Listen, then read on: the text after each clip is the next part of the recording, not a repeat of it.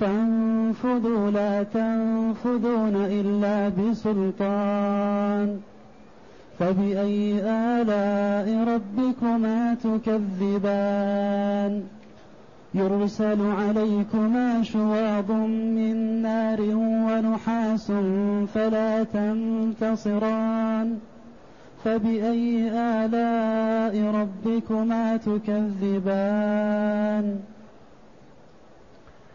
هذه الآيات الكريمة من سورة الرحمن جاءت بعد قوله جل وعلا كل من عليها فان ويبقى وجه ربك ذو الجلال والإكرام فبأي آلاء ربكما تكذبان؟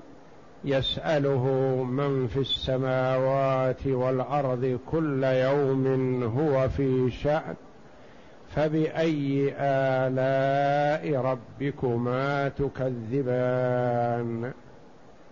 سنفرغ لكم أيها الثقلان. الآيات. قوله جل وعلا سنفرغ لكم أيها الثقلان. اولا الآية وعيد. وعيد شديد للعباد. قوله سنفرغ. الله جل وعلا لا يشغله شأن عن شأن. إنما أمره إذا أراد شيئا أن يقول له كن فيكون. وهو جل وعلا إذا أمر بشيء لا يشغله عن الشيء الآخر. فالله لا يشتغل بشيء وينصرف عن غيره. وإنما قوله جل وعلا سنفرغ لكم كما قال أهل اللغة إن الفراغ في اللغة على ضربين يعني نوعين. أحدهما الفراغ من الشغل. يقال فرغ فلان من كذا يعني انتهى. وهذا لا يليق بالله جل وعلا. والآخر القصد للشيء. والإقبال عليه من باب الوعيد. كما تقول مثلا لمن تتوعده سأفرغ لك. وليس قصدك أنك مشغول الآن عنه بشيء آخر تنهي ما أنت فيه ثم تبدأ به. لا وإنما كأنك ستقول سأقصد كذا منك سأتوجه إليك بكذا سنفرغ لكم يعني والله أعلم سنقصد حسابكم. ومحاسبتكم وعقاب المخطئ المذنب الظالم ومجازاة المحسن بالإحسان. سنفرغ لكم سنقصد معاقبة المسيء والإحسان إلى المحسن.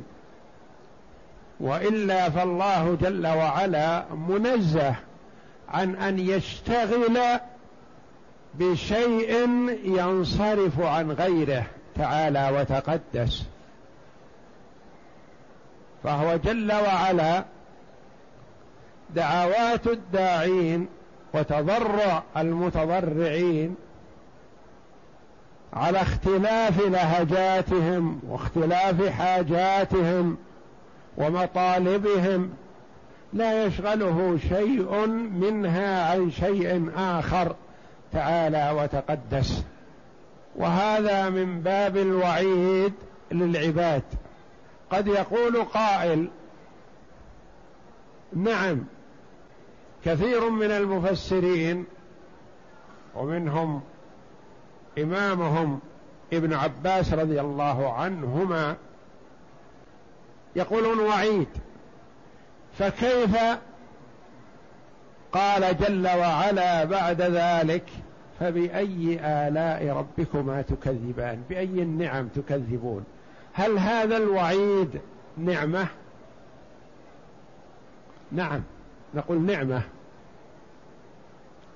لأن الوعيد هذا ليس عند إنزال العذاب. لو كان عند إنزال العذاب قلنا هذا مباغتة. لكن هذا الوعيد نعمة لأنه تقدم بزمن يتذكر فيه من يتذكر وينتبه فيه من ينتبه. المطيع يجتهد في الطاعة ويحسن العمل لأنه متوعد من الله. فيحب أن يقدم صالحا. المسيء يرجع عن إساءته يرجع عن إساءته ويتوب إلى الله ويندم لهذا الوعيد. فأصبح بهذا الاعتبار هذا الوعيد نعمة من الله جل وعلا. فمثلا لو أراد الوالد أن يعاقب أولاده على أمر من الأمور مفاجئ لقالوا له ولم لم تنذرنا من قبل؟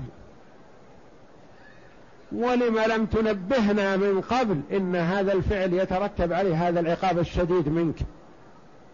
لو نبهتنا ما وقعنا فيه. فتنبيه الوالد لأولاده قبل إيقاع العذاب نعمة على الأولاد.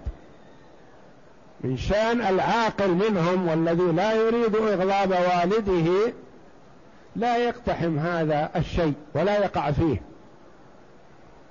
فتكون النذارة قبل الوقت نعمة. سنفرغ لكم أيها الثقلان. وما المراد بالثقلين؟ الجن والإنس.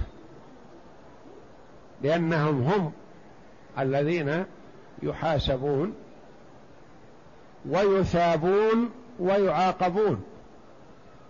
أما الحيوانات الأخرى فالله جل وعلا يبعثها ويحشرها ويقتص لبعضها من بعض ثم يقول لها جل وعلا كوني ترابا. لأنها ليس لها حظ ونصيب لا من العذاب في النار ولا من الثواب في الجنة. وإنما هي تبعث ويقتص لبعضها من بعض كما ورد في الحديث إنه لا يقتص للشاة الجمة من ذات القرن. لأن ضربة ذات القرن للجمة أشد من ضربة الجمة لذات القرن لأن ضربة الجمة ما تؤثر ما لها قرون. الضربة الشديدة من القرن ذات القرون حتى إنه لا يقتص لذات لذات القرن للجماع من ذات القرن. وقال عن من يعذب في قبره يسمعه كل شيء إلا الثقلين. والمراد بالثقلين الجن والإنس. ولما سموا بهذا الاسم سموا بهذا والله أعلم قيل لأنهم ثقل على الأرض أحياء وأمواتا أو لأنهم هم أهم وأعظم ما في الأرض. من المخلوقات لأنهم محل التكاليف والأمر والنهي والثواب والعقاب. وقيل لأنهم أثقلوا بالتكاليف والأوامر والنواهي. وقيل لأنهم يثقلون بالذنوب يعني يتحملون الذنوب أكثر من غيرهم. والمراد بهم هم الجن والإنس. سنفرغ لكم أيها الثقلان. قراءة الجمهور بضم الراء. سنفرغ. وقرئ بفتح الراء. قال الكسائي هي لغة تميم. سنفرغ سنفرغ لكم. وفيها قراءات أخر. فبأي آلاء ربكما تكذبان؟ بأي النعم التي أنعم الله جل وعلا بها عليكم تكذبون أيها الإنس والجن؟ ثم قال جل وعلا يا معشر الجن والإنس فسر جل وعلا المراد بالثقلين بقوله سنفرغ لكم أيها الثقلان. قال من هؤلاء؟ قال يا معشر الجن والإنس. ولما قدم جل وعلا الجن على الإنس في هذا الخطاب؟ أولا أن العطف بالواو لا يقتضي التفضيل والتكريم. المقدم والمؤخر سواء. هذا من ناحية. والناحية الأخرى أن الجن خلقوا قبل الإنس. أن أبا الجن على قول أنه إبليس كان مخلوق قبل آدم. فهم مقدمون عليهم. وقيل قدموا لأن التمرد ومحاولة الفرار يتأتى من الجن أكثر من الإنس. فبدأ بهم في التحدي في قوله يا معشر الجن والإنس إن استطعتم أن تنفذوا من أقطار السماوات والأرض فانفذوا. هذا تحدي. أنكم أيها الجن والإنس لا تخرجون عن قبضة الله جل وعلا ولا تسلمون ولا تستطيعون أن تنقذوا أنفسكم من سيطرته وما أراده جل وعلا بكم من حياة أو موت أو تعذيب أو غير ذلك. يا معشر الجن والإنس إن استطعتم أن تنفذوا من أقطار السماوات والأرض. المراد بالأقطار هنا نواحي. نواحي السماوات والأرض. وذلك أن الله جل وعلا في المحشر يصف الملائكة سبعه صفوف كل سماء خلف السماء التي دونها. يحيطون بالخلائق. فما يستطيع أحد أن ينفذ أو يهرب أو يختفي أو يبتعد. قال جل وعلا يا معشر الجن والإنس إن استطعتم أن تنفذوا من أقطار السماوات والأرض. تنفذوا نفذ بمعنى خرج أو هرب. فانفذوا إن استطعتم. ومتى هذا التحدي؟ قيل يوم القيامة لأن الله جل وعلا قال يرسل عليكما شواظ من نار ونحاس فلا تنتصران. وهذا الإرسال في يوم القيامة. وقيل هذا في الدنيا. يقال لهم إن استطعتم أن تسلموا أو تنقذوا أنفسكم من الموت أو من عقاب الله فافعلوا ولا تستطيعون. إن استطعتم أن تنفذوا من أقطار السماوات والأرض فانفذوا. تعجيز ثم قال جل وعلا لا تنفذون إلا بسلطان. ما تستطيعون النفوذ إلا بقوة. وليس لكم قوة على هذا. لا تنفذون لا تخرجون ولا تستطيعون أن تهربوا إلا بسلطان بقوة على هذا. ولا قوة لكم على ذلك. لأن الله جل وعلا مسيطر على خلقه وعلى عباده. ما يستطيع أحد أن ينفذ أو يهرب أو ينجي نفسه من الموت أو من عذاب الله أو مما يريده الله جل وعلا به.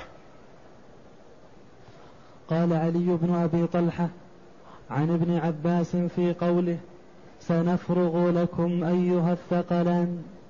قال وعيد من الله للعباد وليس بالله شغل. وهو فارغ. وكذا قال الضحاك هذا وعيد. وقال قتادة قد دنا من الله فراغ لخلقه. وقال ابن جريج سنفرغ لكم أي سنقضي لكم. وقال البخاري سنحاسبكم لا يشغله شيء عن شيء وهو معروف في كلام العرب. أيها الثقلان الثقلان الإنس والجن كما جاء في الصحيح يسمعهما كل شيء إلا الثقلين وفي رواية إلا الجن والإنس وفي حديث الصور الثقلان الإنس والجن فبأي آلاء ربكما تكذبان؟ ثم قال يا معشر الجن والإنس إن استطعتم أن تنفذوا من أقطار السماوات والأرض فانفذوا. لا تنفذون إلا بسلطان. أي لا تستطيعون هربا من أمر الله وقدرته بل هو محيط بكم. لا تقدرون على التخلص من حكمه ولا النفوذ عن حكمه. أينما ذهبتم أحيط بكم وهذا في مقام المحشر. الملائكة محدقة بالخلائق سبع صفوف من كل جانب فلا يقدر أحد على الذهاب إلا بسلطان أي إلا بأمر من الله عز وجل. يقول الإنسان أي يقول الإنسان يومئذ أين المفر؟ كلا لا وزر إلى ربك يومئذ المستقر. وقال تعالى والذين كسبوا السيئات جزاء سيئة بمثلها وترهقهم ذلة. ما لهم من الله من عاصم كأنما أغشيت وجوههم قطعا من الليل مظلما. أولئك أصحاب النار هم فيها خالدون. ولهذا قال يرسل عليكما شواظ من نار ونحاس فلا تنتصران. فبأي آلاء ربكما تكذبان؟ يا معشر الجن والإنس إن استطعتم أن تنفذوا من أقطار السماوات والأرض فانفذوا. لا تنفذون إلا بسلطان فبأي آلاء ربكما تكذبان؟ كما قبلها كالتي قبلها. فالتعجيز هذا والتهديد هو إنذار للعباد. وبيان لهم لما يحصل مستقبلا. فبيان ذلك في حال الدنيا نعمة من الله جل وعلا للعباد لأن من أراد الله جل وعلا له خيرا وفق وعمل صالحا فسلم. ومن أراد الله جل وعلا له غير ذلك هلك ووقع في الهلاك ولم تنفعه النذارة. ثم قال جل وعلا يرسل عليكما أي الجن والإنس شواظ من نار ونحاس فلا تنتصران. لو أردتم الهرب والنفوذ ما استطعتم لأنكم في قبضة الله جل وعلا والملائكة تحيط بكم. ثم إن الله جل وعلا يرسل على من أراد ذلك هذا الذي يمنعه. يرسل عليكما شواظ من نار. قيل في شواظ عدة أقوال وأظهرها والله أعلم وهو الذي قاله ابن عباس رضي الله عنهما وغيره من المفسرين هو لهب النار. اللهب الذي ليس فيه دخان. وكذا قيل في النحاس أقوال أظهرها أنه الدخان الخالي من اللهب. وقيل نحاس مذاب. نحاس مذاب الذي هو الصفر الحديد المادة. يمنع الله جل وعلا يجعله حاجزا ومانعا لمن أراد الهرب. وقيل المراد بالنحاس هنا القطران المذاب. فيقول الله جل وعلا لو أراد أحد أن ينفذ ما استطاع ولو أراد أن يحاول لصد بما يرسله الله جل وعلا حاجزا ومانعا يرسل عليكما شواظ شواظ من نار هو لهب النار. يمنعهم عن النفوذ والذهاب. ونحاس فلا تنتصران. قيل هل يجتمعان أو يكون هذا تارة وهذا تارة؟ أو يجتمعان ولا ممازجة ولا مخالطة بينهم. يعني يرسل الله هذا وهذا وهذا كله وعيد للعباد وإخبار لهم بما سيقع في المستقبل لينزجروا وليبتعدوا عما يوجب. هذا العذاب من الله جل وعلا. يرسل عليكما شواظ من نار ونحاس فلا تنتصران. قال علي بن أبي قراءة المشهورة قراءة الجمهور يرسل بالبناء للمجهول. ولهذا رفع شواظ على أنه نائب فاعل. يرسل عليكما شواظ وفي قراءة يرسل للبناء للمعلوم يرسل عليكما شواظا يصير حينئذ شواظ مفتوح ويكون مكسور الشين شواظا من نار. قال علي بن أبي طلحة عن ابن عباس الشواظ هو لهب النار. وقال سعيد بن جبير عن ابن عباس الشواظ الدخان. وقال مجاهد هو اللهيب الأخضر المنقطع. وقال أبو صالح الشواظ هو اللهيب الذي فوق النار ودون الدخان. وقال الضحاك شواظ من نار سيل من نار. ونحاس قال علي عن ابن عباس الشواظ اللهب الخالص من الدخان. ونحاس قال علي بن أبي طلحة عن ابن عباس ونحاس دخان النار وروي مثله عن أبي صالح وسعيد بن جبير. قال ابن جرير والعرب تسمي الدخان نحاسا بضم النور وكسرها. وقال مجاهد النحاس الصفر يذاب فيصب على رؤوسهم. نحاس الصفر يعني مادة النحاس. فيصب على رؤوسهم. وكذا قال قتادة. وقال الضحاك ونحاس سيل من نحاس. والمعنى على كل قول لو ذهبتم هاربين يوم القيامة لردتكم الملائكة. والزبانية بإرسال اللهب من النار والنحاس المذاب عليكم لترجعوا. لو أردتم الفرار مثلا فالملائكة تحيط بكم ثم يرسل عليكم هذا وهذا. شواظ من نار ونحاس.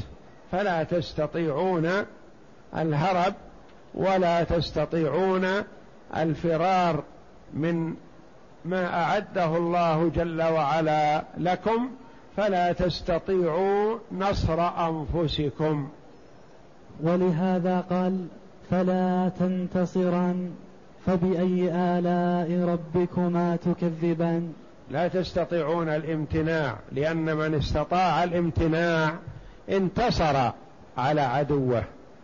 وأنتم لا تستطيعون الامتناع عما أراده الله جل وعلا بكم ولا تستطيعون الفرار. ثم قال عقب ذلك فبأي آلاء ربكما تكذبان كالآيات السابقة لأن هذه النذارة في الدنيا.